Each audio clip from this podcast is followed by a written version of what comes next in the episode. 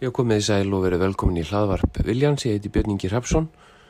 Gestur okkar að þessu sinni er Bjarni Benediktsson, hann er formaður sjálfstæðisflokksins og fjármúlar á þeirra. Bjarni Benediktsson, formaður sjálfstæðisflokksins og fjármúlar á þeirra, verður velkomin í hlaðvarp Viljans. Takk fyrir það. Þetta eru aðtilsverði tímar, svo ekki sé nú fastar orðið hverðið. Þú áttur ekki vona því eftir góðan árangur undanfærin ára að stór hluti almennings væri komin á, á forræði ríkisins eh, á undra skömmum tíma? Það er mikið rétt höfður, þetta hefur gerst á ótrúlega skömmum tíma. Við, við vorum svona í róliheitum að undirbúa það að komi fjármál áallun eh, inn í þingið í lok marsmánaðar og ég var byrjar í samtali við ráþurra sem að var komið á rekspöl undir lok februarmánaðar þegar að fyrsta smitið barstingað en við höfum þá þegar uh, hafið ákveðnar rástafanir, sérstaklega heilbríðskerfinu og uh, um mánamáttinn janúar, februar á þessu árið þá voru menn svona að spyrja spurninga eins og er, er, er líklegt að smitt berist til Íslands yfir höfuð? Já, og það, við, sjá, við vitum hver reyndin varð já, já, og við fengum reyndar snemma svarum að það væri alla líkur á því með við það hversu smiti væri, eh, já, hversu öll smiti breytist út. En, en fyrir okkur sem erum að fylgjast með og, og, og þekkjum aðeins söguna að eitthvað sem kemur upp, hvort sem það er í november eða desember, fyrir einhverjum undraskömmum tíma skuli hafa gert það verkum að helmingur mannkins sé ánu vinnu, efnahagur heimsins sé algjörlega hliðinni, það er ótrúlega að fylgjast með þessu. Það er alveg ótrúlegt. Uh, ég, ég satt hérna með góðu vinni minni í gær sem er hæstaréttalögmaður og hann var að segja sko, já ég, ég var nú bara að hugsa með sjálfum mér að þegar maður lasum þetta force majeure ákvæði á sínum tíma og það geti tekið til farsóta og þá hugsaði ég alltaf með mér að þessar farsóttir væri eitthvað 19. aldar fyrirbæri sem að hefði bara hangið inn í force majeure ákvæðinu en uh, það er auðvitað ekki þannig. Það hafa komið nokkra farsóttir á síðustu hundra árum og uh, sumar að meira segja sko, fyrir utan spænsku veikina þá hafa komið, komið aðra síðar sem hafa voru skæðari en þessi í mannslífum talið. Og um, það sem að einnkjörni kannski viðbröðin uh, við þessari eru er, er, þessar gríðarlegu ráðstafanir sem við erum að grípa til sem að hafa haft þessi miklu efnaðslu áhrif og og núna brennur stærsta spurning stjórnmálana á öllum. E, stærsta spurning stjórnmála samtímans í mínum huga, ekki bara Íslandi heldur miklu víðar, er bara hennilega hvernig vindum við ofan að þessum ráðstöfunum og fáum aftur eðlilegt ástand? Mm. E, það er sannlega ekki eðlilegt ástand. Þið eru eins og segir að, grípa til margvísleira ráðstöfunna e, stuðningur við ríkistjóðuna mælist samt tiltvölulega mikill, já bara mjög mikill eh, um þessar myndir, það, það, það, það er bara stórt stökk upp á við. Eh, kemur það til að þínu viti vegna þess að, að þessu þrýegi var falinn svona kannski fagleg stjórnmála að því að kemur uh, vörð með farsóttinni sjálfri, heilsu farslegar ráðstafanir sem voru gerðar? Ég er alveg vissum að það hefur um, áhrif, um, tröst á stofnunum, tröst á stjórnvöldum, um, það skiptir máli hvernig fólk upplifir að haldi sí á þeirra hagsmunum og þar hefur tekist mjög vel til. Um, auðvitað held ég líka að það er ráðstafni sem við höfum gripið til við vorum svona snemma til aðgerða hafi haft hér áhrif, það eru margir sem eiga lífsviðværi sitt undir því að, að, um, að störfum sé bjargað og við erum að gera okkar besta í því en, en það er ekki hægt að komast undan áhrifum þessa heimsfaraldus, það er öllum ljóst. Um, en þetta er svo sem ekki sér Ísland fyrirbreyði að, að, að tröst til ríkistjórnar og stjórnvalda vaksi við þessar aðstæður. Við höfum svona bara mannfólkið eh, tilhengu til þess að þjappa okkur saman þegar við stöndum fram með fyrir utan að stæðandi óg og sem betur fyrir hefur okkur tekist að mynda goða samstöðu á Íslandi, það hefur ekkert rof komið í það og það er líkillin að árangri, nú eru nokkri dagar í röð þar sem við fáum ekkert nýtt smitt sem er gríðarlega mikilvægt og virk smitt bara í nokkrum tögum tilfella. En áfram þarf að hafa varan á sér eins og, og sótvarnarlæknir hefur bent á að það geta verið smitað núti sem við vitum ekki af og, og enkenna löst fólk að smita annað fólk og þetta er þess vegna ekki yfirstæðið. Er þetta ekki trættur um að þessi góða eining og samstæða sem þú ert að vísa tilvarandi þrýegið að, að hún hverfið svolítið þegar að þið stjórnmálumennir eh, sitið uppi með skellin og vandan? Sko það sem ég held að um, sé sko ég held að staðan í dag uh, einkennist af því að fólk er dálitið um, í fallíf það er með skjól af ímiskonar aðgerðum. Við höfum uh, tekið þátt í að greiða laun fyrir og með fyrirtækjum. Uh, við höfum veitt gjaldfresti og við erum að veita aðgengi að lánum. En allt er þetta gert til þess að brúa ákveði bil og því miður er það bil í tíma lengra heldur en að við vorum uppalega að vonast til. Þannig að það er mjög hægt við því að ef okkur tekst ekki að koma vélinn aftur í gang og skapa nýstörf, endur heimta það sem er að tapast uh, þessar vikurnar, þá er mjög hægt við því að við verðum með geipi háar atvinnleysistölur hér síðar á árinu. Og það verður ekki sko, tími sem að verður auðveldur fyrir heimilinn Uh, sko í, í, hérna, í neinu samhengi sko, hvorki sögulegu samhengi en ég bara uh, í, í samhengi þess sem við höfum fengið að vennjast núna undarfærin ár og uh, óvissan sem að því fylgir er daldið þrúandi í þessari stöðu sem við erum að glíma við núna þá hefur ríkisjóður, hann hefur getu til þess að taka á sig hallan, við erum ekki að fara í rástafanir eh, miklar, ég meina í hruninu þá var farið í ráðstafanir eins og til dæmis verulega hækkun tryggingagjalds. Við erum að leifa okkur að gera það ekki núna og það lifir hér umræðum að lækka jafnvel fella niður tryggingagjaldið trátt fyrir að það sem að gjaldið á að standa undir eins og til dæmis atvinnuleysið eh, rjúki upp. En við höfum auðvitað ekki endalus að geta til þess að gera þetta. Þannig að sko það sem ég er að reyna að koma orðum að er að þetta áhrifin af því sem við erum að upplifa þessar vikunar munum lifa með okkur í talsett langan tíma.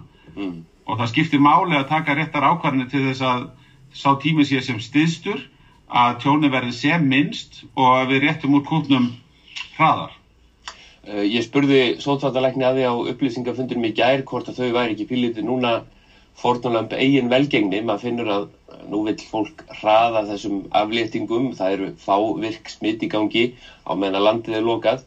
Uh, við sjáum að Sigriður Andersen fyrir á þeirra áþörða sagðist vilja núna fara hraðar í sagettar, það hefur hingað til ekki, stjórnmálumennir hafa hingað til ekki verið mikið að blanda sér í þetta. Formaður frálsingi félagsins segir að, að þið hafi falið lækni stjórn efnahagsmála í landinu. Hvað segir fjármálar um það? Já, ég held að það sé of djúft í árunni tekið sko að, að, við höfum gert það. Eh, við erum að funda með þrýekinu uh, reglulega og það er mjög náið samband á milli þeirra og sagt, viðkomandi ráðuneyta, hvort sem er heilbriðisráðuneytið, dómsmálaráðuneytið, ferðamálaráðuneytið og, og þessa dagana, í dag, í gæru og morgun er verið að vinna að því að útfæra með hliðsjón af uh, öllum þeim sjónamöðum sem þarf að taka tillit til. Á heilbriðisliðinni erum við fyrst og fremst að reyna að koma vekk fyrir að eh, faraldurinn komi gjósi aftur upp og við endum á byrjunarreit mm. menn að það er ekki hægt að útiloka að það geti gerst uh, og það myndi sko all, svo alldeles hafa hríkaleg efnahagslega áhrif við nálgöfumst þetta í upphafi þannig að við þurftum að koma veg fyrir að heilbyrðiskerfinu yrði ofgert. Þar að segja að fjöldi smita er svo mikill að við myndum uh, sprengja getu heilbyrðiskerfisins til þess að breyðast við.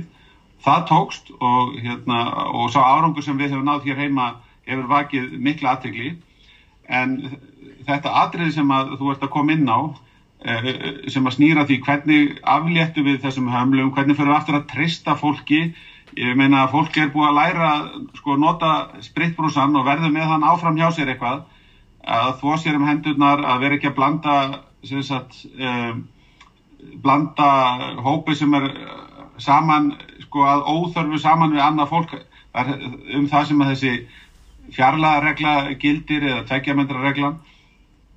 Og hún fjallar um það þetta, þannig að ég myndi vilja halda því fram að við höfum lært svo mikið að uh, við verðum fljóta bregðast við ef það koma upp eitthvað tilvík og við hljótu líka bara vilja innheimta eitthvað af árangurinn sem við höfum náð semst, í þessu efnahagslega samhengi að við viljum njóta góðsæði að hafa náðu sem frábæra árangri og ég held að séu færi til þess en þetta er mjög snúin spurning og það er ekki að ástæðuleysi sem enginn hefur ennþá svaraðinni. Þetta er það sem stjórnmálumenn í bandaríkjónum er að velta fyrir sér, fósettin að kallast á við ríkistjórana og í Evrópusambandin eru þjóðarleittóðar að hittast og, og, og spá og spekulera hver daldið fyrir sig í sínu hodni. Við sjáum að einstök ríki hafa al, alveg lokað landamærum gagvart um heiminum meðan aðrir hafa haft þetta opnara og svo er ég að upplefa þannig að að einstök ríki sjá að þau get ekki haldið út endalust svona og eru þessna farin að segja heyrðu, já, við erum að hugsa um að opna gagvart þeim sem að hafa náðgóðum árangri og ekki nema von uh, vegna þess að menn geta á endan og kert sér bara í þrótt af því að ganga of langt. En þetta er ef við getum fundið þann sem að geti bara svara spurningunni hvernig nákvæmlega að gera þetta að þá hérna, myndum við fá mikið fórskott Uh, ég held eins og er að við höfum náttúrulegt fórskot á Íslandi í hérna, þessum, á þessum viðspilnum tíma. Og það likur bara einfalli í víðáttinu og hreinleikanum hér og þessum árangri og hvernig hann hefur spurst út, það eru vakið miklu aðtegli þannig að við erum komin á radarinn svipað eins og gerist í Eyjafjallajökuls gósinu, við höfum komist á radarinn, ég veit að Kári Stefánsson bara svona, svona eitt dæmis í tekið hefur farið í tæplega 100 alþjóðlegu viðtöl út af því sem að uh, Íslensk erðargreining hefur verið að gera og stýðja við helbilskerfi hér og það er rannsóknir að verið að byrta uh, fjölmargar uh, hérna, reytrindar greinar. Þannig að uh, við erum við erum held ég með á vissan átt náttúrulegt fórskot hér sem að ég, ég segi bara, ég held að eftir það sem að undan í gengi þá munir það hljóma betur að koma hingað og anda sér feskalóftinu verið í skaftafelli eða upp á kíli að horfa á langjökul frekar heldur en að verið neðanjaralest í, í New York eða í London innan um sko mörg, marga tíu þúsundar sko. Þú skilur hvað er að fara. Já, já, og sérstaklega því að menn gerir ráð fyrir því að veiran sé ekkert að fara. En þú ert á að velta fyrir þér og ég veit að í stjórnkjörunum núna ásamt sótvarnir auðvöldum þið eruð að skoða möguleika því að opna landið með einhverjum skilirðum til þess að reyna að koma einhverju aftur af stað. Það er fólk sem mögulega vil koma hingað ef að við gerum ráð fyrir því að veiran sé að leika lausum hala í heiminum allavega í 6-9 mánuði viðbót þá er einhverjar nokkura daga kröfur um sótkví hér á landi ekki óyfirstíganlegur hamar þegar að, að fólk vil reyna að komast í skjól. Já, og ég er að heyra á hverjum degi, ég heyrði í morgun í manni sem að var uh, að segja mér að hann leir út uh, sumarhús og að kúnarnir eru byrjað að spyrja mjög mikið aftur um það hvort að uh, það sé löst í júli, ágúst september. Sama heyrir maður frá hótelreikandum að, að það er, mynd, sagt, það er einhvern veginn að kvikna aftur áhugi á, á haustinu jafnvel síðsumars. Eh, ég heyri frá uh, þeim sem að selja lagsveðileifi, heyriði einum slíkum. Hann sagði að kúnarnir verið að spyrja byrju, má ég ekki bara koma að fljúa beint inn og fara beint í veiðuhúsið er eitthvað ramast við því? Ég verð bara í mín, mínu sótkví í veiðinni. Uh, þannig að það er gríðalur áhugi og hún leiði og það uh, svona við getum leikt okkur aðeins að losa og kannski með þá varðar ástöðunum þá fáum við aftur svona, þá byrjar aftur að renna um æðar þjóðalíkamanns eitthvað blóð. Eh, þetta hefur haft gríðarlega áhrif. Sjá, sjáðu bara ef við horfum á tölunar áhrifin sem þetta hefur haft. Við vorum að ræða hérna höfuborgarpakkan í vikunni á þingi það er mál sem hefur verið nokkuð umdelt eh, fyrir ímissar hluta sakir og ég hef alltaf sagt að það var mjög mikið eftir að útfæra í því máli. En fólki finnst þetta gríðarlega mikil fjárfæsting, hún er upp á 120 miljardar mm. til ársins 2033 2033 uh, 120 miljardar sko bara viðbótar halli ríkisjóð sem er komin í ljós út af COVID bara á þessu ári sem er núna líða er tvöföld svo fjárhæð mm. að lámarki Þannig að sjá, þú sér hvað sko, við erum að taka á okkur ábáslega högg og hversu miklu skiptir að við e, draugum úr því sem hraðast og ég hérna, er þeirra skoðanar að við getum lært ímislegt frá því sem áður gerðist. Ég held til dæmis að það hefur verið gengið oflátt í því eftir fjármála kreppuna, hérna hrunið, að dragur fjárfestingu. Við erum að reyna að fara í hína áttuna núna, að örfa fjárfestingu, setja meira peningu, jáfnveg þó við tökum það á láni, fjárfesta meira Við erum ekki að kæfa fyrirtækin í hækkuðu tryggingagjaldi, við erum að láta það eiga sig. Við meiri segja, erum nýbúin að lækka tryggingagjaldið. Uh, þetta eru tvö dæmi um svona aðeins breyttanálgun og við erum að setja stór aukna áherslu á rannsóknir og nýsköpun á frumkvöla starfsíminn í landinu. Við erum að stór auka stuðningin þar og hann hefur þó verið aukin undanförnum árum. Bæði setjum við aukna fjármunnin í sankjarnisjóðuna en erum líka auka skattalegar ívilnanir og frádrætti fyrir þá sem eru að verja störf í rannsókn og þróun þetta sem við trúum því að það muni skapa verðmatt störf í framtíðinni. En og alls lítur... aðgerði til þess að styðja fyrirtækin eru líka hugsað til þess að þau séu til staðar þegar það byrtir aftur til. En þú lítur sem fjármálur á þeirra að súpa kveljur þegar að öll þessi útgjöld eru ákveðin og maður sér það í þingnemdunum sem eru á störfum núna að einstakar breytingatillur geta falið í sér sko viðbótar kostnaðu upp á ótrúlega háar tölur sem bara afgreitti á nokkru mínútum að því er manni veriðst. Já, það er rétt. Uh, ég held eins og það að uh, við höfum lagt upp með rétta líni í þessu að gera strax meira heldur en minna og það getur vel verið að við yfirskjótum einhver staðar í kostnaði en það er í mínum huga skárra heldur en að hafa gert oflítið og seint og dreyið þá hérna, ástandið á langin og þá, það myndi hafa leitt til dýpir kreppu. Ríkisjóður, og, sko þú segir að maður súpi kveljur, jú, maður hefur auðvitað áhyggjur af því. Já, þú ert sérstak... frægur fyrir það að passa ríkiskassan og, og, og Já, hann, er, hann er bara... Ég held að það hefur líka sínt sig, sínt sig að hérna, það hefur skipt gríðalegu máli. Það er svo staða sem við hérna, byggjum þá á núna. Við getum gert þetta. Við við erum ekki að, að hérna, skapa einhverja vonlösa stöðu eh, en það skiptir eiginlega meira máli hvað við gerum árunum 2021, 2022, 2023 en að við tökum á okkur þessa viðbótar miljardatýji á þessu ári. Sko 30 miljardar er 1% landsframlöslu í viðbótar skuldir, það er aldrei að fara að drepa ríkisjóð. Mm -hmm. Hins vegar ef við sjáum ekkert fram á að los, losna út úr hallanum bara yfir langan tíma þá mun það auðvitað hérna, uh, þá, þá mun það valda mörgum áhugjum eitt af því sem ég hef lagt til á undanfjöndum árum er að við förum að huga svona lengri framtíð til dæmis með því að byggja upp þennan þjóðarsjóð. Mm -hmm. og eitt af því sem að segir í frumvarpunum um þjóðarsjóðin er einmitt hver veit nefn að við getum lendið því að þeir kemi farsótt? Eða algjört brunn í fiskimiðunum og annað og hérna, ef maður lefið sér að, að hérna, tekna upp þá dröm sína að við hefum bara verið búin að byggja upp góðan þjóðarsjóð, mm. þá hefði hann akkurat henda til þess að dempa áfallið við þessar aðstæður. Ég með nokkra svona uh, grúndikt spurningar um tiltekinn mál, en eftir ekki það hrættur um að þessi setning þín þegar þetta gerðist, við ætlum að gera meira en minna, við ætlum að taka utanum fólk, það var einn diggur gammal sjálfstæðismæður sem eh, sagðist óttast pínlítið þessa setningu, hann væri alveg sammálinni en hann væri hrættur um að þetta væri eins og þegar Jóhanna Sigurðardóttir sagðist alltaf slást skjaldborg um heimilinn og svo var alveg sama hvað hún gerði, það var alltaf verið að rukka hana um þessa skjaldborg. Hvað er skjaldborgin? Já, já, já, já. Jú, jú, ég, hérna, orð geta verið dýr í stjórnmálum, eh, það var líka dýrt á þeim tíma þegar það var stíið fram og satt, við munum ekki gera meira, við erum búin að gera allt sem við ætlum að gera, það kemur ekkert meira.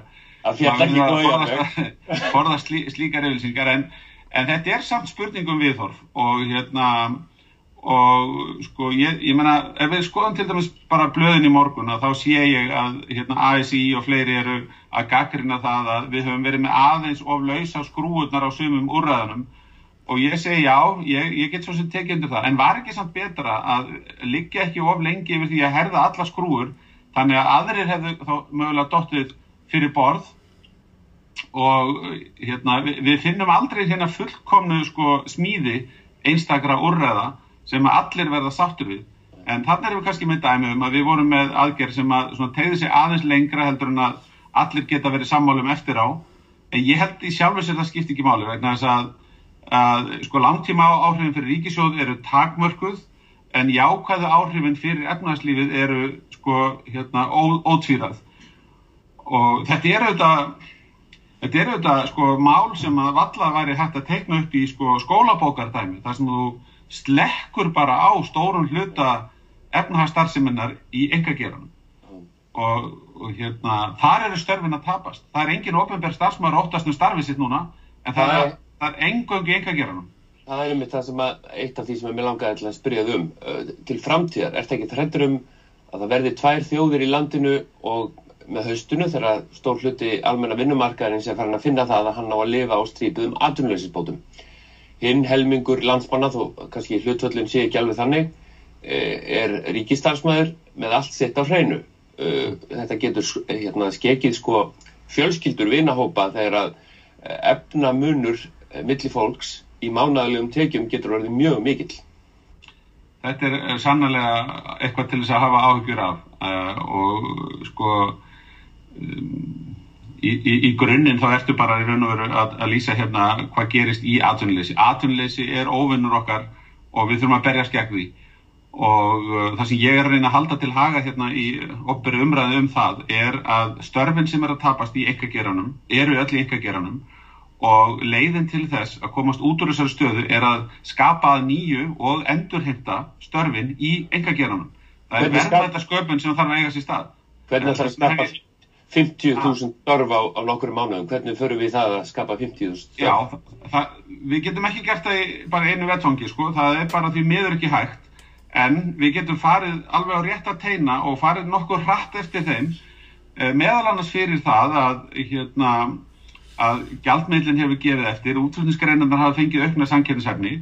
Það mun hjálpa, það mun hjálpa bandaríska ferðamannunum þegar hann horfið að nýju til Íslands að sjá, herri, byttu, það er sama verð í krónum á hótelherbygginu en það hefur lækkað í dólarum um 10-20%. Mm. Það mun hjálpa, engin spurning. Ísland er orðið ódýrara hérna, sem áfangastæðar fyrir ferðamann, ferðamenn og, og sama mætti segja með aðrar út, útflutningsgreinar. Þannig að ég er alveg vissum að við, við, við fáum viðspilni í því en sagt, það er þessi bölfuð veira og óvissan sem að tengist sko setni bylgu hennar og hvað, hversu hratt er hægt að ganga fram sem að ræður mjög miklu um það hversu hratt þetta getur komið tilbaka. En ef að þetta dregst mikið á langin og okkur mistekst að endurhinda þessu störf, þá er staðan einfallega svo að við höfum ekki efni á samneislunni, við höfum ekki efni á því að halda öllum þessum óperu starfsmönnum á þeim launum sem þeir eru með, við höfum ekki efni á almannatryggingakerfinu, þeim örorku bótum sem við erum með, ellilífeyris bótum sem erum með, mentakerfinu, heilbríðiskerfinu, samgöngukerfinu, öðrum kerfum sem við höldum úti, félagslegum, húsnæðisbótakerfinu og svo framvegis við, það, það mun ekki vera rétt, hægt að réttlæta það ef að störfin endurhendast ekki að taka bara lán fyrir þessu öllu saman og segja börnin okkar borga þetta í framtíðinni. Þetta er, þess að segja, við erum í varnarbaróttu fyrir þessi kerfi í dag mm. og, og, og hérna, við munum hafa sigur ef okkur tekst að nýju að skapa þessi störf. Við erum í sterkri stöðum til þess að gera það. Það þarf margar réttar ákvarðanir í rauð og svo þarf lukkan aðeins að spila með okkur, það er að segja við þurfum að komast hjá því að lenda í annari þriðju bylgu þessara veiru og, og vonandi verður hægt að opna landið. Við eigum svo mikið undir því að geta stundið alþjóða visskipti. Þess vegna er ekkert skrítið að, að við séum farin að sjá þrýsting á að landið verður opnað nýju. Eh, það, það, er, það er ennþá beð eftir ymsum útfæslum. Það er ekki búið að afgreða eitt einasta, skilst mér, brúarlá.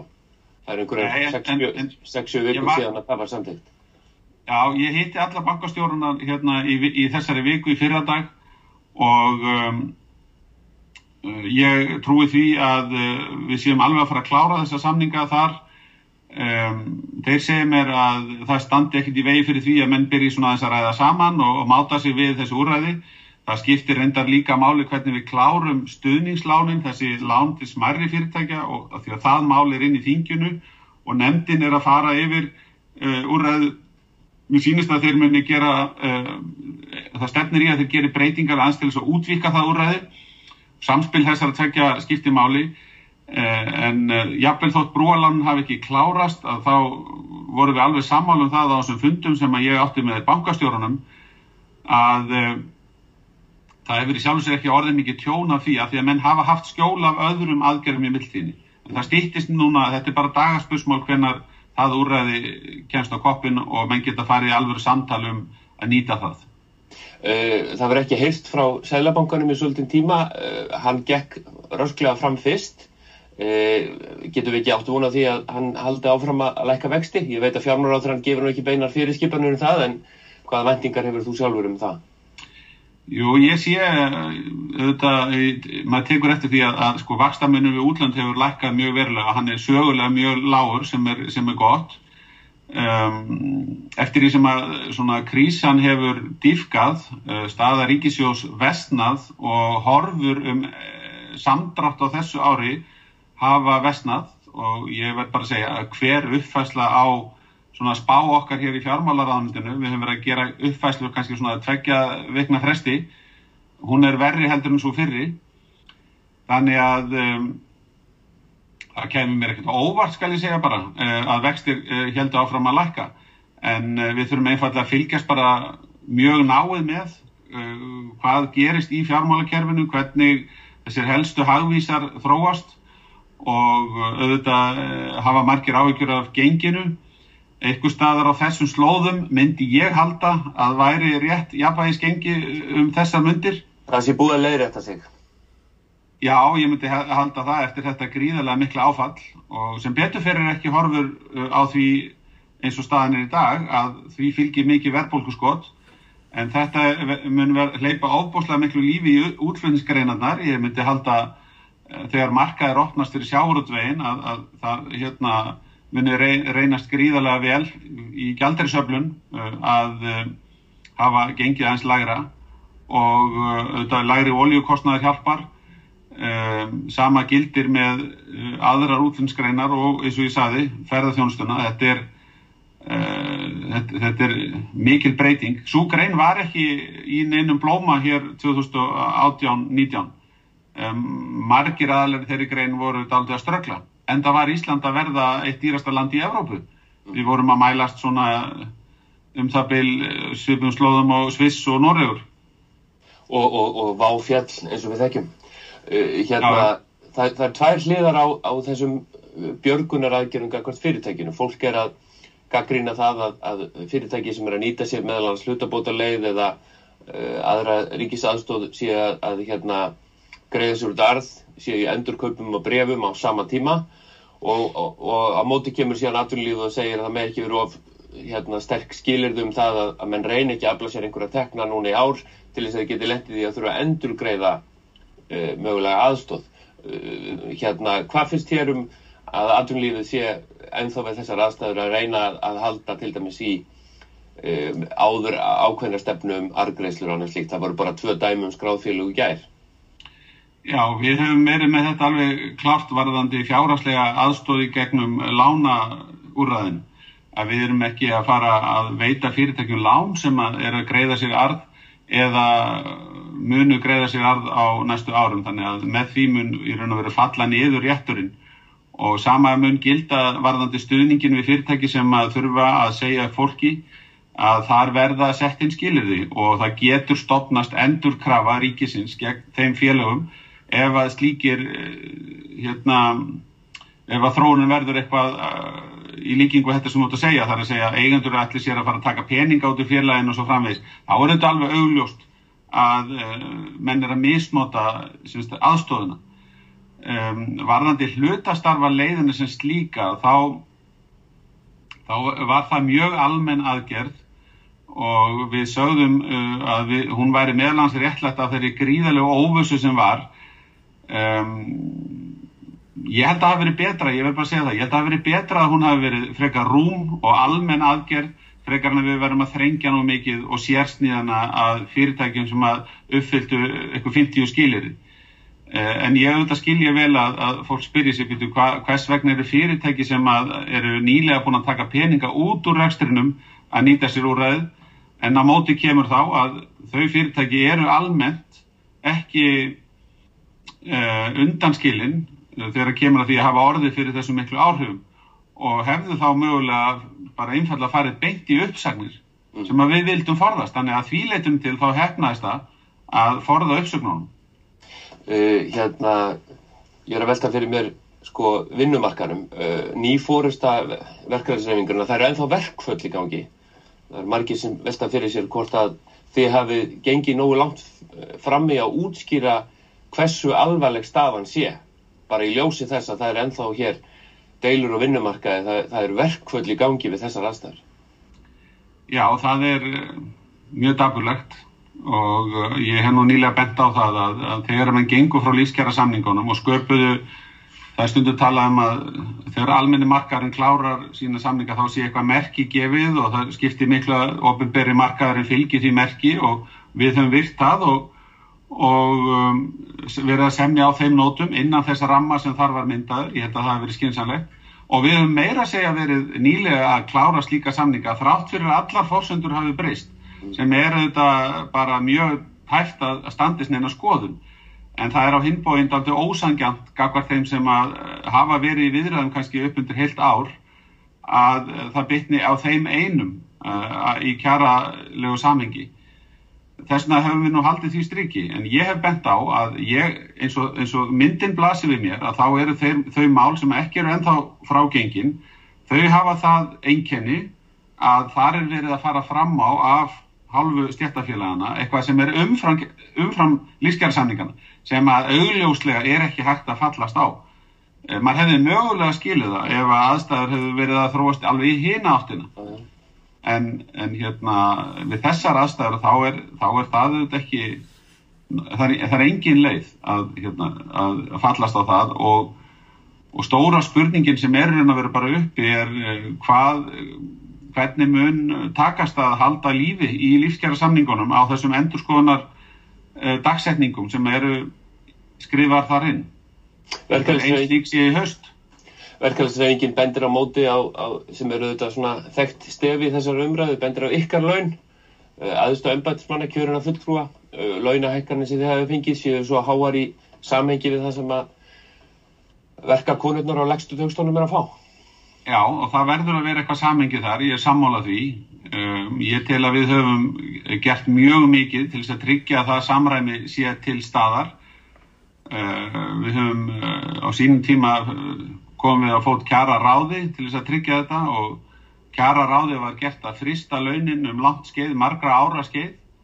Um, þegar að síðan koma því að þessir sem að heyriðu undir kjara ráð eruðu leiðréttir gagvart öðrum hópum eins og þeirra launathrónum hafi verið þá gauðs upp mikil gaggrinni uh, sem að endaði með því að við lögðum kjara ráð bara hinnlega niður og kjörni fulltrúar og aðstu ennbæðsmenn hafa yngar launabreitingar tekið frá 2016 uh, þar til þessi hækkun varð uh, 1. janúar á þessu ári og ég byrti nú bara einfallega á heimasíðu fjármálaráðunitisins fjr.is uh, bara myndrænt hvernig þessi laun hafa þróast þannig að það getur enginn haldið því fram að, að kjörni fulltrúar aðstu ennbæðsmenn hafi verið einhverju betri launathróun yfir tímabill heldur naðrið. Hún, hún er lakari svo launathróun eða kjör þeirra hafa þróast með na, öðrum hætti og lakari. Hins vegar, e, auðvitað skilja það að menn gaggrinni núna að það séu einhverjar hækkanir eiga sér stað. En á móti þá er ég bara einfallega í samningum við ofinber stjættafélög um hækkanir og, og þú varst að nefna á það, eru verkföll Sest, ef, að, ef að við viljum hérna, ef það gæti tekist breið samstæðum það að frista laun og lækka þau þá held ég að það væri til nokkur það myndi létt okkur róðurinn. Ég hef bara lækka laun, lækka laun ofnbæra stafsmann og þar með kjöruna fulltrúa. Já, til þess að sína gott fordæmi þá myndum við lækka laun aðstu ennbætsmanna og kjöruna fulltrúa eh, vegna þess að það þyrti að frista Eh, laun annar í eitthvað tíma. En ég heyri engan slíkan vilja neinstadar, ég sé bara verkvöld og kröfuna um að lífskjársamningarnir haldi og laun voru að hækka núna í apríl samkvæmt lífskjársamningunum eh, þannig að sko minn punktur er bara þessi, ef menn vilja ræða uh, kjör hérna, aðstu embæsmanna og kjöruna fulltrúa þá finnst mér það mjög hellett og ég tel það sé skinsanlegt En þá segir ég bara að það samtal verður að snúast um annað heldur en alþingismenn. Það samtal verður að snúast um vinnumarkaðin og að við ætlum að standa saman á vinnumarkaðin. Þannig var til dæmis launalækkun 2009 hugsuð og var hugsuð þannig að menn ætlaði að setja gott fordæmi. En fordæmi hafði afskaplega takmarkuð áhrif. Það eina sem gerðist var að menn fristuð laun þessara og hinn heldur áfram að hækka. Það gerist samt í kjölfæri þess að forverið þinn í formensku hjá sjálfstæðisfloknum eh, hafði hérna beðið Guðum að blessa Ísland þjóðir Já. gerir sér grein fyrir því að staðan væri frekar vond. E, margir hafa velt fyrir sér hvort að ég var með viðskiptarreitstjóra fréttablasins og morgunblasins um daginn og þeir sögðu það var þeirra mat að á einhverjum tíapúnti hefði Katrín Jakobsdóttir fórstættur eða þú sem fjármálar þurft að hreinlega halda einhvers konar Guðblessi Ísland eh, ávarp til þess að fólk gerir sér grein fyrir stöðunni. Já, já, uh, það var nú ávarp um helgina frá fósættisáþara og uh, við heldum nokkra bladamannafundi á undanfötnum vikum um, varðandi launamáli þá var ég nú að rífa þau upp að við frestuðum launahækkunum sem áttu að koma í sumar til þess að, að, hérna, að gefa þetta ving og hérna, sína þessari stöðu sko, hérna, skilning og, og mér fannst það bara eðlert við þar aðstæður sem eru uppi En um, ég veit ekki, ég, hérna, við byrjum nú þetta samtala því að segja að það væri ánægja með stjórnvöld og, og það væri góðu stuðningu við stjórnina. Uh, ég held að við, við getum verið þokkalega sátt við okkar framlag þessar vikur. Þetta hafa verið fáar vikur, þetta hefur verið mikil vinna og mikil óvisa um, og samstæðan hefur svo sannlega verið til staðar. Mm -hmm. Þannig að uh, svona hinga til þá finnst mér uh, hérna, það var tekist vel bæði þetta samtal okkar Íslendinga um að standa saman og eins líka þessar ákveðnu aðgerðir sem að við höfum þurft að leggja fyrir alþingi til þess að afgreða en það er mikil vinna eftir og hérna kostningar á næsta ári þetta, þetta er ekki ástand sem að klárast núna með hækkandi sól þetta er, uh, þetta er efnahags áfall sem er fylgja okkur núna um þó nokkra, hríð og, við höfum alveg eftir að fara í pólitísku umræðina um efnahagsstefnu til næsta ára. Bara svona í lokin, kostningarnar, það er ekki búið að tímasetja þær, uh, menn velta fyrir sér hvort að það veri skynsalegt fyrir ykkur að sækja ykkur umboð til þess að fara í þessa endurreist. Uh, fólk kaus við allt aðra aðstæður, það er endar kaus oft á tímabili. Það er þó búið að vera tölurverður stöðuleiki þráttur eða hljómi aðstæðlega þá að þessi ekki búið heilt kjörtjábil, þá verður það þannig. Hvenær séru fyrir þér að kostningar gætu verið, uh, vor eða, eða vetri til og ætlað þú að halda áfram og, og, og, og leiða þinn flokk í, í, í það, það uppbyggingastarf sem framöndan er? Já, þannig að við byrjum nú bara því. Ég, ég hef nú hugsað mér að halda áfram og gefa kost á mér á landsfundi í haust og taka þátt í uppbyggingastarfinu. Mér finnst, uh, hérna, ég hafa stuðningin og kraftin sem að þarf til þess að sinna þessu starfi.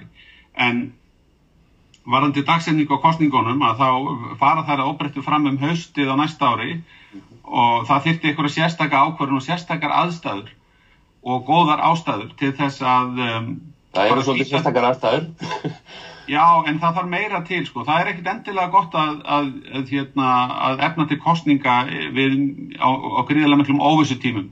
Ég held að sé betra að hlutinni skýrist aðeins og valkostinni sem við höfum til að fást við aðstæðunar líki betur fyrir um, það, og það verður ekki fyrir neitt í vetur sem við sjáum aðeins betur í gegnum þókuna og þetta sem við höfum verið að ræða hérna í dag, hvernig getum við losað aftur um hérna, takmarkanir á ferðalögum og annað þess að þar. En uh, þegar það hefur skýrst aðeins betur, þá finnst mér líklegt að fara að teiknast upp svona áherslumunur millir flokka um það hvernig að uh, sigla henni í framtíðina. Og um, það kannski ræðst helst að því bara hvort að stjórnin hafi úthald til þess að ljúka næsta þingveitri almennilega. Og ég hef enga ástæð til að ætla annað og þá munum menn vilja bara klára þingveiturinn næsta og hérna, ljúka sínum málum á vorþinginu uh, sem að síðan myndi enda í kostningum um haustið. Bjarni Benediktsson, kæra þakkir fyrir spjallið, ég veit út upptekinn og þakkaði fyrir að geða þér tíma og hlaðarpi vilja sér lokið að þessu sinni. Það var gaman að vera með þér, ég hleyp nú úr þessum fyrirspurnum í óundibúnarnir á þingi. Takk fyrir, gangið vel. Takk. Já. Bless. Komiði sæl og verið velkomin í hlaðvarp Viljans. Ég heiti Björn Ingi Hrafsson og gestur okkar í dag er Þóról Guðnarsson, sótvarnarlegnir. Hann er í öðru sinni í viðtali hér, í upphafi faraldur sem hér kom hann í spjallu okkur og þess vegna er áhugavert að heyra núna kannski lók þess sem að kalla hefur verið fyrsta bylgjan, heyra hans stöðum að við erum hérna standir í fjölmiðla höllinu sem kölluð er Eh, það er gámabygging fyrir framann björgunuminstöðuna í skóallíð og nýlogið er eh, upplýsingafundi almannavarna. Það sem að Þórólur satt fyrir sörum ásamtu við í reynisinni yfir lörglithjóni. Velkomin Þórólur. Já, takk fyrir það. Við erum nú eiginlega búin að hittast okkur í mennistu degi rúmlega 60 daga en, en eh, þitt mat kannski stutlega núna getur við sagt að þessari fyrstu bylgu síðan svona, já það, það tókst að bælana verulega niður. Já og ég held hans er búinn og ég held að það tekist bara gríðarlega vel að bæla hana niður og reyna að vera betur heldur en ég gerði mig vonur um og, og, og uppalega þegar við lögðum í þetta verkefni að þá ætliðum við að beita öllum tiltækan ráðum uh, að bæla þennan sjúkdóm niður og, og við beittum bæði þessari skada minkandi aðgerð með því að, að venda viðkvæm að hópa og reyna að ebla heilblíðskerfi og svo þessari Eh, bælingaraðferð, containment að, að, aðferð að reyna að bæla veiruna eins mikið eins og hægt er, fletja kurvuna út og eh, eins og við sögðum oft í byrjun og þá heldum við kannski að við myndum ekki fælka heildar fjölda tilfella svo mikið en, tilgangunum var að bæla kurvuna það mikið niður að hún erði ekki verulega íþingjandi fyrir heilbriðiskerfi og gjörgjastluna og því líkt og, og þannig að maður bjóst við því að sjá miklu meira viðvarandi smiti í samfélaginu heldur en raunin hefur orðið þannig að þannig ég held við, sagt, eh, getum sagt núna að, að eh, það tókst að, að bæla faraldurinn miklu hraðar niður heldur um að gerði sig grein fyrir og næst nánast niður í null og við vitum að samfélagslegt smit er mjög, mjög lítið núna Ef þú ættir að eh, velta því fyrir sig, hvað, hvað er það sem að ræður mestu? Er það okkar aðgerðir, almennings, þrif, betri þrif þessi fjarlæga mörg, fólk er mikið búið að halda þessi heima, vinnustæðir búin að gera ráðstafanir mjög mikið af öllu þessu eða var það það að ferðamennskar hundi og það fólk hætti nánast að koma til landsins og síðan eh, með aðgerðum bandaríkjastjóðunar og svo Evropasambansins og okkar sjálfura skipti það mestum mál, hvað er það sem skipti mestum mál í því að þetta náðist þessi miklu árangur?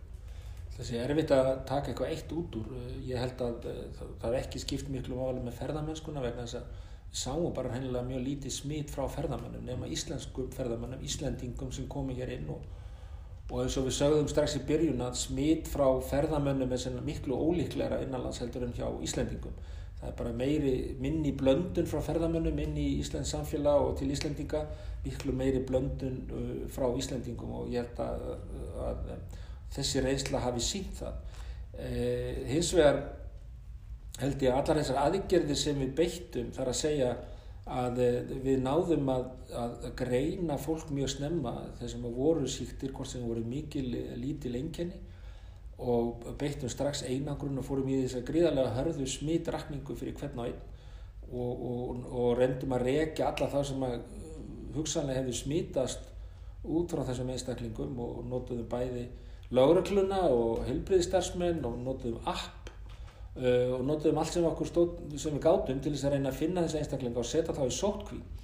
Enda hefur nýðstafan verið þannig að um 60% af þeim sem hafa greinst hafa voru við í sótkví þegar þeir greindust sem þýðir það að þessir einstaklingar uh, hefðu annars vantarlega gengið með mismunandi mikil engjörn í, í samfélaginu og smita út frá sér þannig að faraldurinn hefur verið miklu starri.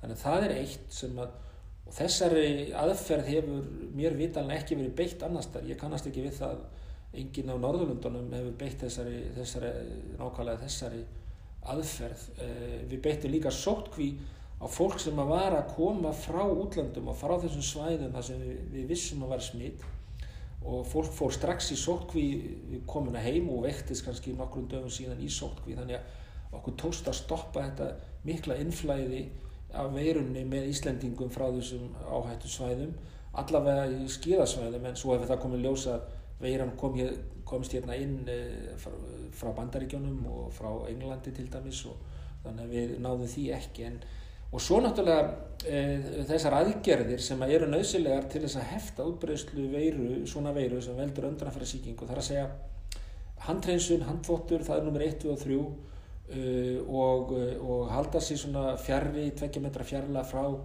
öðrum sem mest. Uh, og, og svo að venda þess að viðkvæmi hópa ég held að og það hefði skilað mjög miklu.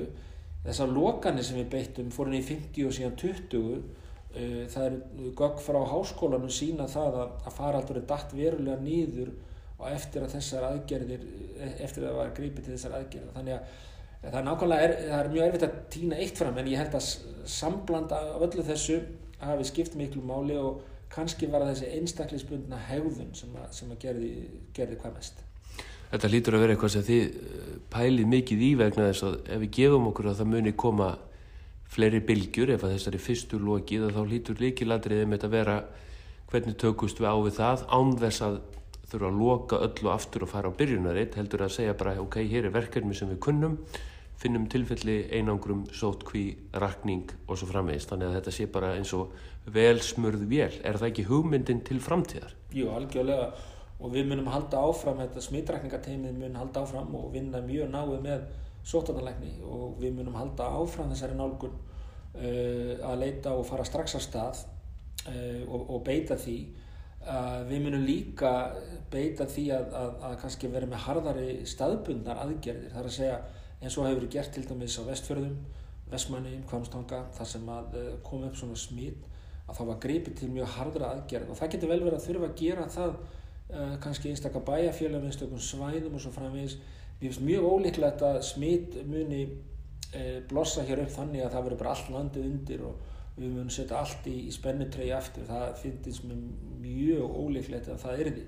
Það gæti gerst en mér finnst það mjög ólíklegt og, og, og, að og við fengið góða reynslu frá þessum stöðum þannig að þetta er svo nálgun sem við komum mörgla til með að beita við svona staðbundnar litlar hópsíkingar sem að eiga öruglega eftir að koma upp. Ég held að það verður óvarlegt að halda annað. Fólk er að velta fyrir sér framtíðinni. Það er, það er auðvitað efnahags efnahagurinn allur undir og, hann er nú hliðinni, það er nú bara ekkert flóknar en það þessi tilslaganir landamörun sem verða að velta fyrir sér það er vantilega verið að skoða bara sama og aðrir að gera hvort að það verði komin einhver mótefna skýrteni mótefna mælingar, hvort það sé hægt að gæta, menn hafa líka áhyggjur af flugvilónum, að fólk smitist í þessum flugvilum á milli landa. Og þetta er mæntilega allt til skoðunar en ég gerir ráð fyrir því að því séu mjög nálægt í að koma með einhverjar tilugur Já, ég held að fyrsta lagi þá er smitt í flugvel mjög, mjög fátítt og, og Af hverju er það? Ég, það er bara vegna þess að það er ákveðin sko, aðstæður í flugi það eru þrýstingsgradjant á loftflæði inn í vélánum svo kallar laminert flæði frá lofti og niður úr mm. þannig að það er engin dreifing á veirinu, mjög lítil dreifing á veirinu þannig að Þannig að það er búið að sína það margóft með margskona síkingar, öndunafæra síkingar, aðrar koronaveirur og svo framvegis að smit í flugvelum er mjög fátíkt inn í vélunum sjálfum mm. Og, og, hérna, og þannig að þegar við erum í smitrækningu út frá í flugi þá miður við við eh, og það er bara alþjóðlegt eh, menn koma sér saman um það að að menn miða við tvær sætaræði fyrir framann og aftan, það er ekki öll vélinn undir mm -hmm. ef það eru mislingar til dæmis þá er öll vélinn undir, þá ja. við erum að tala um allt annan hlut sko.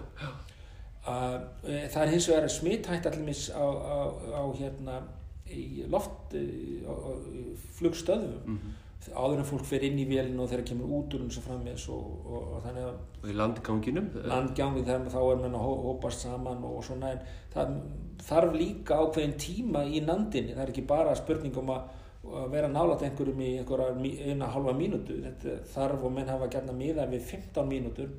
Það er náttúrulega ekki heilu að tala en það sýnir bara að það þarf smá tíma til þess að smittast það er ekki bara eins og að gerist bara 1-3 nema í undatekningatilvingum með einhver hnerrar bytt framann í því þá gerist það náttúrulega mjög rætt sko. mm -hmm. e, og e, byrjuð þú að spurður um ég er að reyna að velta fyrir mér sko, hversu nálægt við erum að koma með einhverja tilhugur sem að virka í framkvæmt þannig að það sé hægt að gæta þessum sótvarnasjónum ak Akkurat, þannig að við erum náttúrulega í þeirri stöði við veitum ekki hversu útbreytt smitið raunverulega hefur verið í íslensku samfélagi mm -hmm. vegna þess að það er svo mikið að vægum einkennum og kannski hefur þetta byrjað áður, kannski hefur þetta verið komið hingað í janúar og februar, margir að tala um að þeirra fengið eh, svona alvarlega síkingu en influensan var líka að ganga þá þannig að það er svona erfitt að greina þetta frá kannski.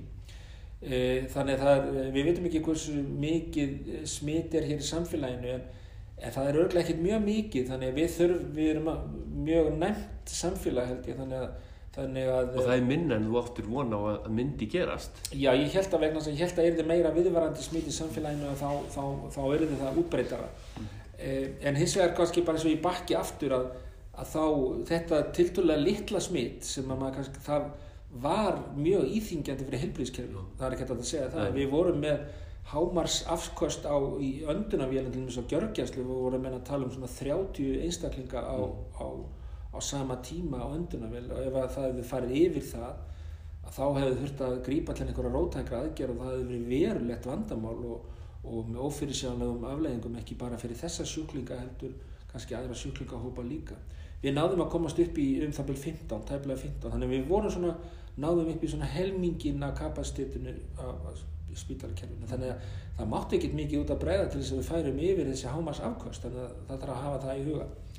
Þannig að við þurfum núna, áskorunni núna er einhvern veginn að reyna að passa það eða gera eins og við getum lágmarka þá áhættu af, af, af því að, að veiran komi hingað inn í land með dæmis, ferðamönnum eða Íslendingum sem er að ferðast erlendis.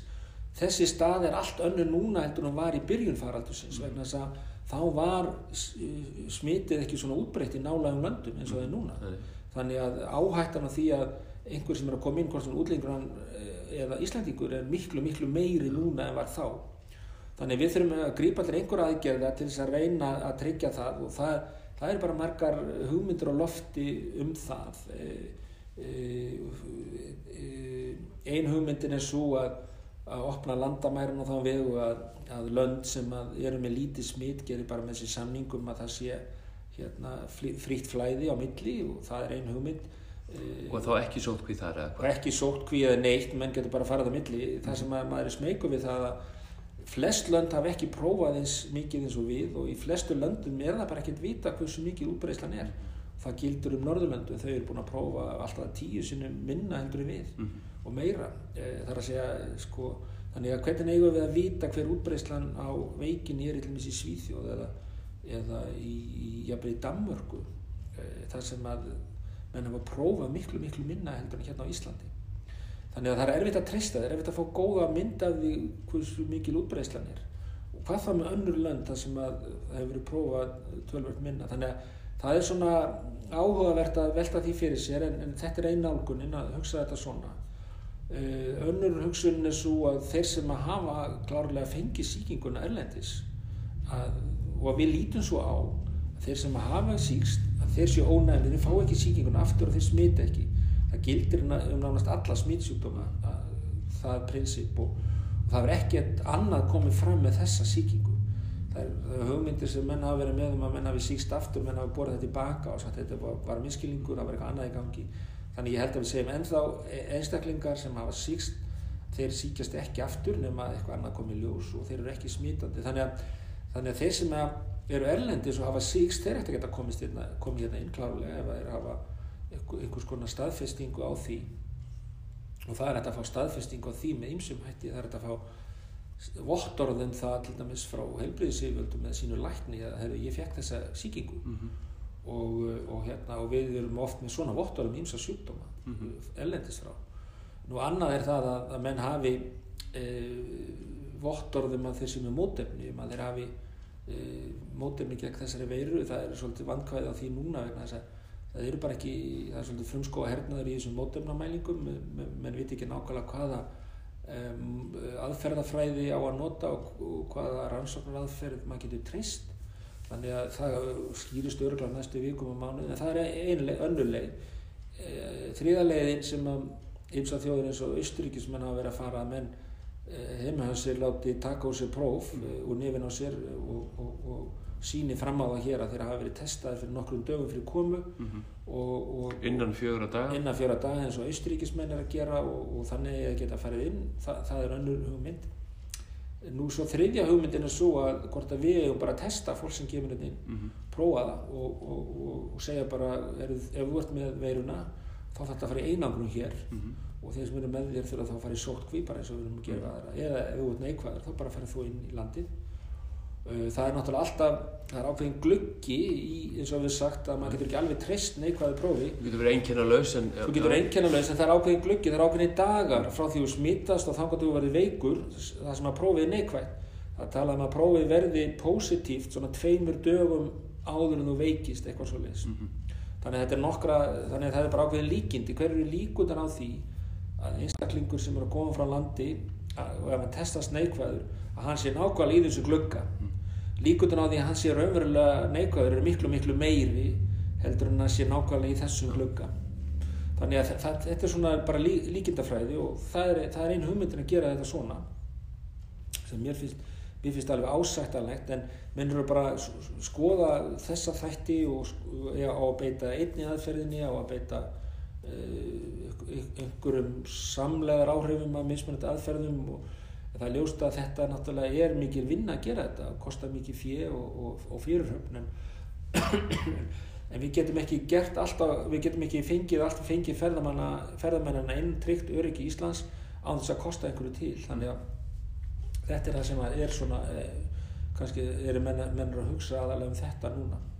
Svo hefur kannski staðan allt öðru í vísi eftir einhverja mánuði. Þá hefur faraldsfræðin brist erlendis og, og menn eru kannski búin að koma sér saman um ymsar útfæstar á þessu en þess að staðin er núna þá er ekki neyn alþjóðlega samstað um það hvernig ég að gera þetta í ferðarlegunum mm. Hérna, ég las grein eftir bandarískan vísindumann sem að sagði, lísti þessari veiru með þeim hætti að þegar hún kom fram einhvern tíman fljóðlega eftir áramót þá hafði hún fundist hún stórmerkileg og allt öðru sér heldur en hann hafði haldið hún nyrði og svo núna þrem fjórum mánuðin setna eða fjórum mánuðin setna þá finnst hún núna allt öðru sér heldur en hann hafi talað hún væri fyrst. Þetta væri mögnuð veira að mörgu leiti getur þú sem fræðumæður fagmæður í þessu tekið undir það? Já, ég held að þessi ljóst að þessi veira, hún er ekki bara eitthvað, eitt fyrirbæri sem að hegða sér alveg eins. Það eru til mismunandi útgáfur af þessari veiru og, og íslensk erðagreining hefur sínt að það eru til maður svona er, mikill breytileiki erðaefni veirunar uh, og það fer líka eftir því hvaðan veiran er upprunnin og uh, hvað þýðir það? Það þýðir það að það er svona tölvöld mikla stökkbreytingar sem eiga sér stað í þessari veiru þegar hún hleypur frá einum einstaklingi til annars uh, hvað þýðir það? Eh, þýðir það að hún verður verri eða eitthvað skæðari eða þýðir það að hún verður betri eitthvað vægari það eftir að koma í ljós líka og, og hérna en við vitum með marga veirusíkingar og marga sjúkdóma þá, þá verður veiran uh, sko, eða síkillin vægar eftir því sem að gengur lengur og hleypur oftar á milli einstaklinga þá svona dopnar yfir honum og það er hagur veirunar að, að, að síkja e, sko, valda sem minnstum skada mm. því að þá lifir hún best af ég er ekki vissum að vera hann hugsaði þetta endilega þannig Nei, hún verðist um eitt en það gerist ímislegt þannig, þannig ég held að menni eftir að skýra þetta bara svolítið betur sko. mm -hmm. og það er líka að vita að sko, veiran virðist valda mismunandi e, alvarlegum afleggingum í mismunandi löndum mm -hmm. tölunar eru bara breytilegar er ja. það út af út af hverju stafar það, er það vegna þess að heilbríðskerfið er öðruvísi, er það vegna þess að aldursamsetningin sem er að síkjast er öðruvísi, er það vegna þess að það er mismunandi, mismunur á milli landa, hvort er fólk með undirlíkjandi sjúkdóma eða eh, offitu eða eitthvað slíkt sem er að veikjast, eða er það vegna þess að út af erðabreytileiki einstaklingan í einstaklega samfélögum er mismunandi þannig að eh, menn fá að mismunandi alvarlega enginni eða er það vegna þess að veiran er bara aðeins öðruvísi millir landa. Þetta eru allt þættir sem að eigi eftir að koma í ljós. En dánartalan, hún, hún virðist sko sem hlutfall af því sem að var talað um, hún virðist vera lagri heldur en fyrst var talið, menn, menn fengur svolítið sjokk bæði fyrst í Kína og svo náttúrulega í Ítalju, eh, en það fer auðvitað því við hvaðið miðað, við þú varst að benda hér á þann að, að sumlönd skima mjög aggressíft, sumlönd gera það ekki. Og þá er erfitt að finna út nema þá með einhverjum mótefnumælingum við hvað á að miða.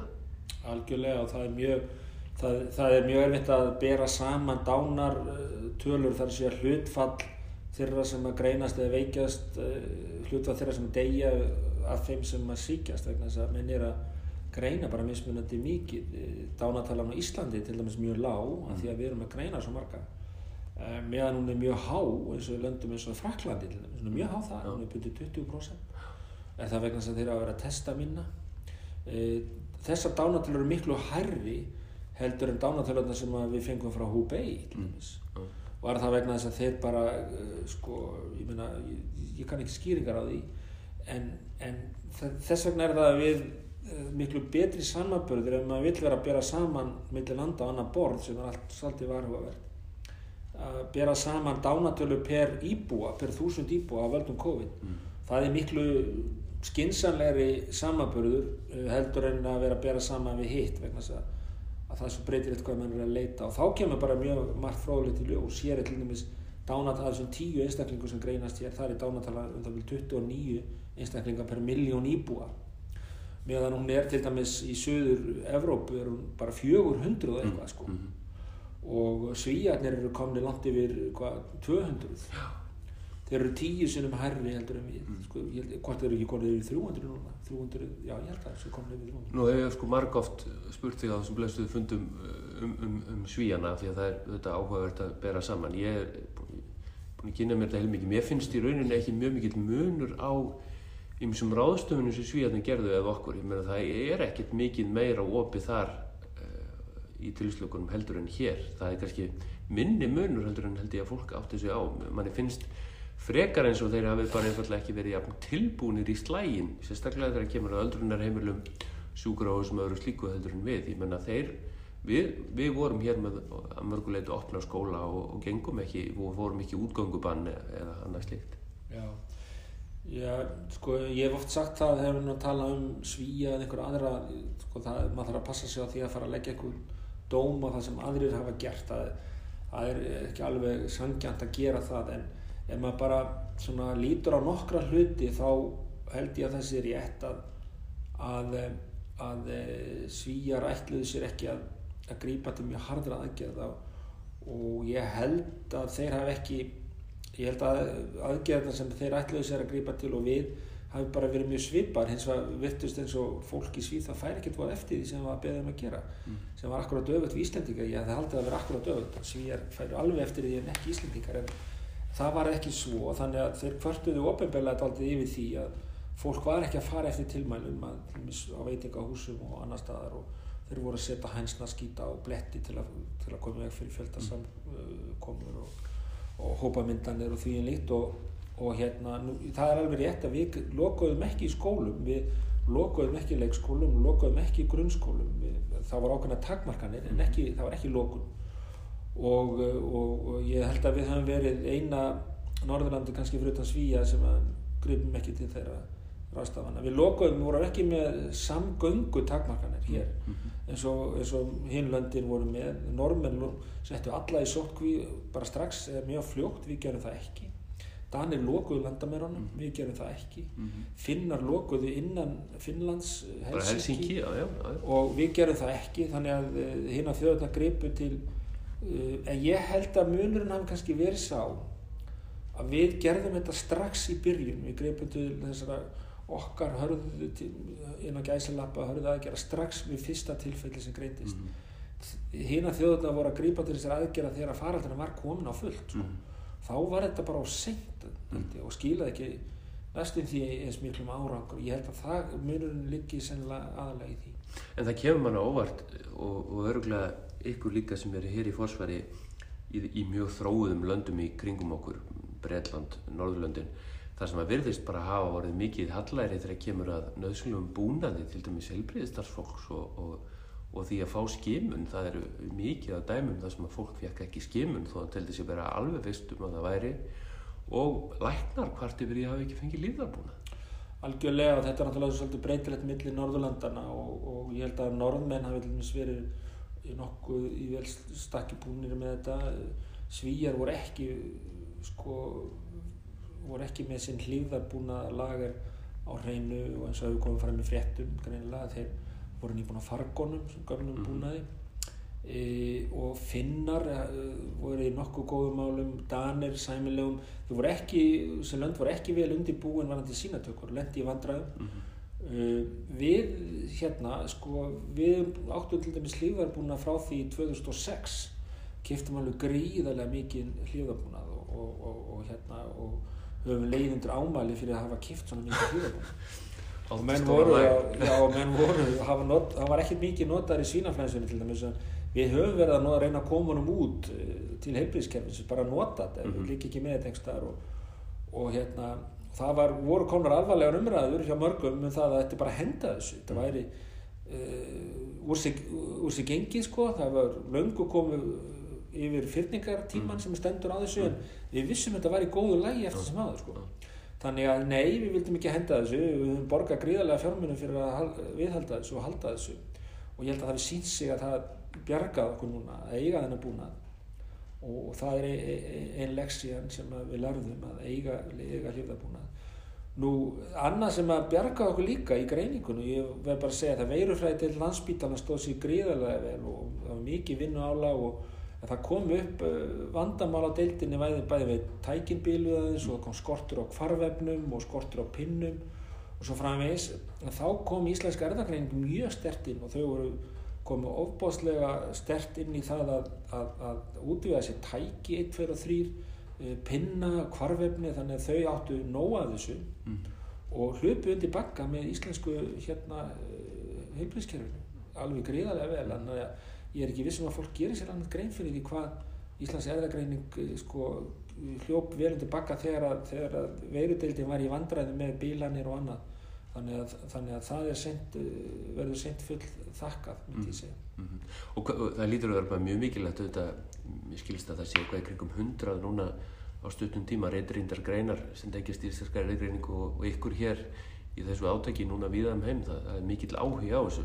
Það lítur að vera mikilvægt fyrir okkur litla landa eiga slíkt alþjóðlegt fyrirtæki sem ræður yfir bæði fólki og tækjum í fremströð. Já, ég held að sko það er gríðalegur hérna, gríðalegt af bara snillingum þarna innan, innan, innan hús og, og ég veit alveg að menn hafa mismunandi skoðanir á íslenskri erði greiningu og, og hérna og, og hérna menn eru svona með á móti það er svona kannski fátt í, í samfélaginu sem menn eru ekki með á móti eins og íslenska erðagreining myndi ég halda en, en almenningur er óbáslega hliðhóllur íslenska erðagreining og, Og ekki síst upp á síkastir. ekki síst upp á síkast og þeir var bara staðið sér greiðlega vel og ég hef ekkert nema gott um þá að segja og, og, hérna, og, og, og þetta er náttúrulega faraldur, nýr faraldur, ný veira og það er mjög mikilvægt að geta sapnað eins miklum gögnum um þe þennan faraldur og þennan sjúkdóm eins og hægt er og greina það, koma því í vísindarlegan búning bara til þess að geta bæði byggt svona sótvarnar ástafanir á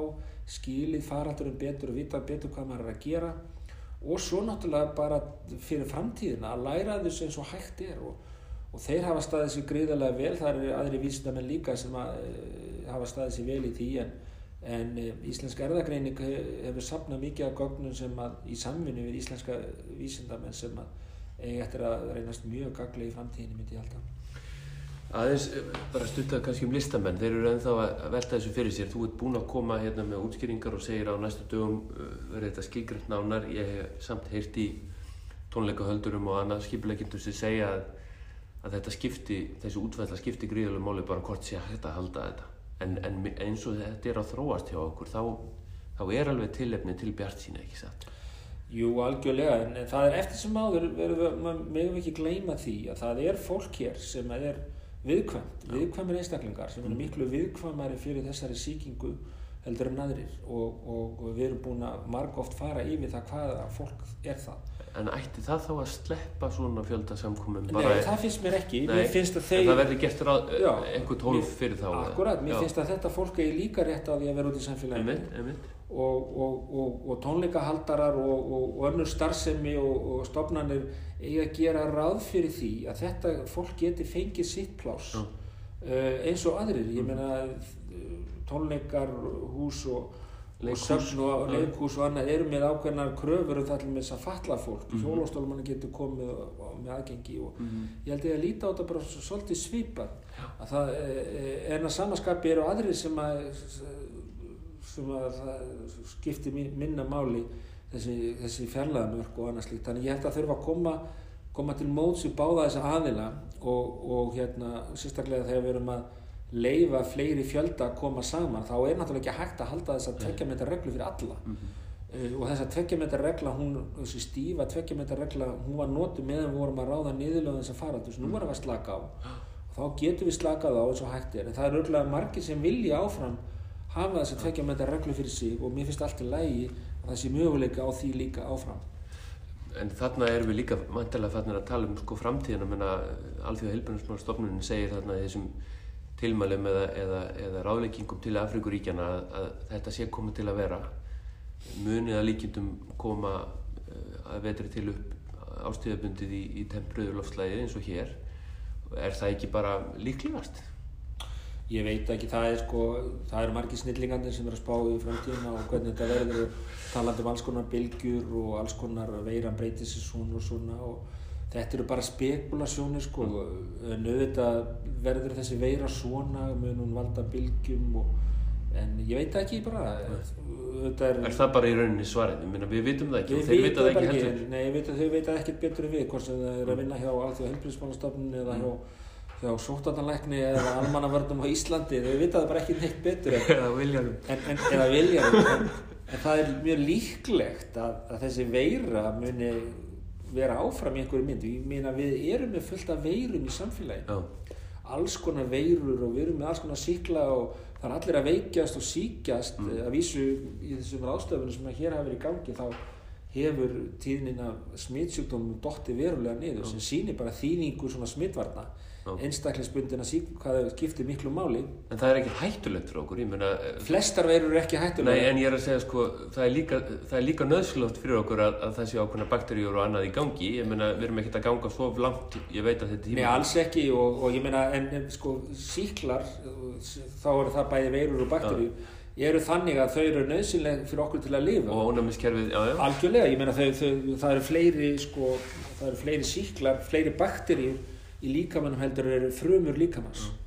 og, og hérna þannig að, að, að bakterjur uh, sérstaklega eru nöðsynlegar bara fyrir því að við lifum mm -hmm. svo eru til ákveðin tegundur af síklum bakterjum eða veirum sem eru skadlegar svo eru til veirum sem er ekkert skadlega valda bara smá ertingu ekki meir sko. mm -hmm. þannig til alls konar útgára þessu þannig við munum halda áfram að vera með fá síkingar og, og, og fólk mun halda áfram að veikast alvarlega af ymsum síkingum þó að við ráðum niðurlegum COVID sko. Mm. Þannig að maður ekki gleyma því, það er ekki eins og að við séum búin að leysa síkingavandamál heimsins með, með þessu en við erum náttúrulega að reyna að stoppa þessa alvarlegu síkingu eins og þessi síking er mm -hmm. og, og það verðist að það tekist allavega allavega í byli sko og, en við þurfum að hafa áfram varðarástafanir og, og ég held að, að þess vegna þurfum að byggja áfram á svona vísendalegri nálgun hvernig getum við gert það sko menn geta tekið afstöðu og sagt já við bara nú bara opnum við og látum þetta ganga yfir okkur það þarf, það þarf hvort er að ganga yfir okkur á einhverju tímapunkti. Eh, ég held að það erði gæti orðið svolítið uh, sko slæmt eh, ef við gerðum það og við myndum ekki við hafa neina að varúar ástafn og værum ekki tilbúin. Þá myndum við lenda í því eins og margir hafa lendi í því en, en en við erum með ákveðin infrastruktúr og þurfum að fara svona slaka á því sko. við mm. þurfum að fara að lifa nokkuð eðlilegu lífi þó við munum passa okkur og við, ég held að almenningur muni á næstu mánuðum ánum passa sig svona sínar, sínar vennjur vel eh, Það er svona síðan á setni hlutan eh, Þóról Guðnarsson sem að undirbjóð þetta eh, fór, þú fóst hérna þú sagðir í fyrsta viðtælunum þegar við hittumst að þú hefði farið hingin í kringum landi og þegar við verið að kynna viðbras áallanir og undibúa þetta allt saman. En það er teória, það er akademia svo gerist þetta. Þú ert orðin eh, einn umtalaðasti maður þjóðarnar ekki svo umtalaðasti eh, af, afleðingar þess að hafa voruð gífulegar það er gífulegur almennur stuðningur við ykkur í þrjöginni og ykkar, ykkar störf sem lítur að vera dýnmætt en, en finnst þér þetta ekki stundum svolítið mikið? Uh, hvað meinar um bara hlutverk ábyrð sóttvarnalegnis uh, jú, jú, það er það en, en mér hefur alltaf verið ljós þessi ábyrð eh, sóttvarnalögin sem að sóttvarnalegnin vinnur eftir. Hann, þetta er ekki bara eitthvað sem mér dettur í huga að gera. Ég, ég, ég hef ákveðna svona lagalega skuldbindningar og ég veit samkvæmt lögana hvað ég á að gera og hvað ég má að gera hvernig þannig að mér er algjörlega ljóst að á einhverju tímapunktin þegar svona kemur upp þá er þessi ábyrð til staðar sko. og, og við höfum Eh, hjá sótartalækni verið að vinna sko alveg eiginlega frá 2005-2006 að vinna, þá byrjuðum við að búa til þess að viðbrasáallin mm. og þá vorum við alltaf miða við heim hérna spönskuveikina mm. 1918, hvað gerum við ef að svona kemur aftur, hvað mm. gerum við, hvað gerum við?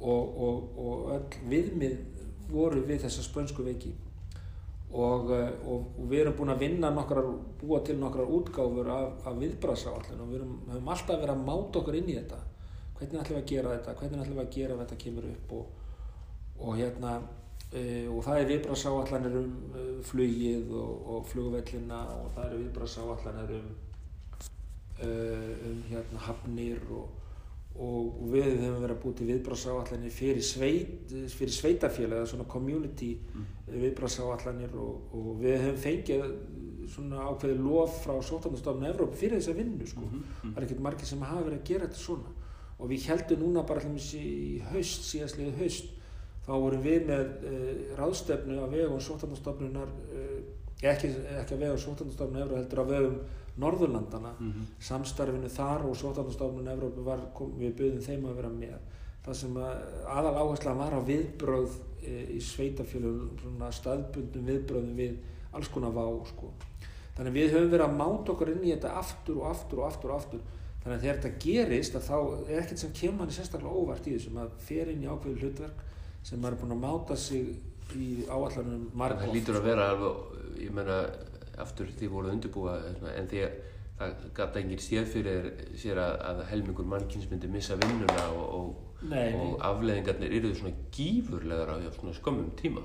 Já, eða sko, hvað? Já, sko, við vissum að sko, það er rástafana sem hægt er að grípa til e, þegar svona lag kemur upp ef við höfum enga meðferð Mm. ef við höfum ekkert bóluefni Mhm. e, sem betur fyrir við erum alltaf að býta heimsfaraldi influensu og þar eru við tilbúið með bóluefni Mhm. og getum fengið það, við fáum það kannski ekki nógu hratt en við erum líka með lif Mhm. og, og, og þannig stoppuðum við svínaflensuna mjög mikið hérna 2009 bara með þessu tvennu Mhm. í þessu höfum við ekkert nema þessa, þessa grunnstóðir þar að segja annarkort að beita sko, samgöngubanni sem menn gerði 1918 bara loka af mm -hmm. annarkort allt landið eða hluta landinu svo framvegis og, og þá þurfum við að loka í svona la- langan tíma meðan þetta er að degi út bara í heiminum og það getur tekið ykkur ár. Mhm. eh, eða þá við beitum einhvers konar samkomu takmörkunum og, og þessum grundvölda reglum síkingavörnum sem við erum búin að vera að hamra á. Þetta er ekkert vá flókið, þetta er til dæla einfalt. Og afleðingana af því öll, að beita þessu er að þetta kemur niður á samfélaginu. Þetta stoppar samfélagið. Þetta stoppar atvinnustarfsemi. Fólk fer ekki vinnu og missi vinnuna og, og það kom ekki aðföng ferðamann innan dettur alveg niður og, þannig að af því sem hefur gerst hér eh, innanlands er, er aflegginga því hvað við gerðum eh, og annað ekki. Annað er bara utanakomandi hvað gerist í heiminum ég get ekki alveg lagt mat á það hlutfellin þarna, hvað var það hvað gerði þið og hvað gerði aðri það er örgulega býður betri tíma hvernig menn ætla að gera það upp en það er algjörlega ljóst að, að það þarf að sigla einhvern veginn svona meðalvega gera ekki of mikið. Sko, ég hef oft líkt þessu saman við að ef þú ætlar að drepa músina inn í stofu heima hjá þér þá getur þú reynt að gera það eins penan máta eins og þú getur. Og kannski í besta falli viltu bara veiða hann og hendin út en ef þú vilt drepa hana þá getur þú gert annarkvort á einhvern veginn penan máta eða þú getur bara náður í haglabissu og fretað á hana og eðilagt líka alla stofuna. Þetta getur líka gert í svona sóttvörnum, þú getur gripið til mjög hardra aðgerða og bara lagt samfélagið algjörlega á hliðina. Að lækningin sé ekki verið eins út um munn Akkurat, eða þá getur gert þetta á tiltöla penan máta og verið tilbúin fljótur að, að, að, hérna, að snúa við blaðinu þegar, að- þegar þetta er yfir staðið. Og það, ég, við erum að gera það núta, núna en það er alltaf umdælanlegt er þetta að fara nógu hratt, er þetta að fara ofrætt og svo framvegist þannig að það verður ald, þeirri spurningu verður aldrei svarað eða ég. Ef við gefum okkur að, að bara með að vera einslu og, og það sem að spáða annar staðar að, að, að setna í sumar að í haust kom einhver önnur bylgja uh, yfir, yfir hérna heiminn allavega, allavega í okkar löndum Þa, þá skilja það þannig að ykkar vonir standa til þess að það verði bara hægt að hemja hana jafn óðum, hún mun ekki koma hérna jafn skjótt og mikið upp eins og gerist hérna í februar, mars hjá okkur. Já, ég held að, ég held að það sé akkurat staðan sem við, við, við teljum okkur vera í og, og vonumst til að verðum í, við erum tilbúin, við erum búin að sko reyna þessa leiðir til þess að stoppa hana og, og við erum með allt þetta í startólum, við þurfum ekki að byrja upp á nýtt. Nei. Uh, við erum að reyna kannski að, að hafa smá heimil á því hverju koma hérna inn, þannig að við að allavega veiran kom ekki hingað inn, þó að fólk komi hingað inn. þannig ég held að við sem að reyna allt sem við getum til þess að reyna að koma á eðlilegu uh, lífi hér uh, og minka áhættan eins mikið á því að vera náðu sér að styrna sem mögulegt er. Ef við gefum okkur að þessi veira sé þá komin til að vera í einhvern ákveðin tíma, nú er, er held ég að þessi rétt tíma er að þú sett 67 ára gammal, ekki satt, eða verða það? Hvernig dættir það? Ég er bara það. forvittast um það hvort að hérna, við þurfum nokkuð að hafa ágjörð af því að þú ert að hætta á næstinni. Ég- Það veit maður aldrei, sko. Ég er náttúrulega, ég er náttúrulega er að end, komast á enda, endastöð, eh, aldurslega séð Mm. og, uh, og ég held að það sé á holdt að fara eitthvað, að nýtt fólk fara að taka við. Ég er ekkert að fara að hætta næstu mánuð en ekki, ekki nema eitthvað að koma upp á en þannig að eh, ég held að það ekki. Auðvitað eru menn ofta að hugsa sína stöðu og ég held að sé allir í, í þeim spórum. Ég, nei, ég er ekkert að fara nýtt. Og ekki meðan að slægurinn stendur yfir. Þannig alls ekki, ég meina þetta maður hérna, heldur út með hana stríðið er í, í gangi sko, Kæra þakki fyrir eh, fróðlegt og foröfnilegt spjall Þóruldur Guðnarsson. sem leiðist takk.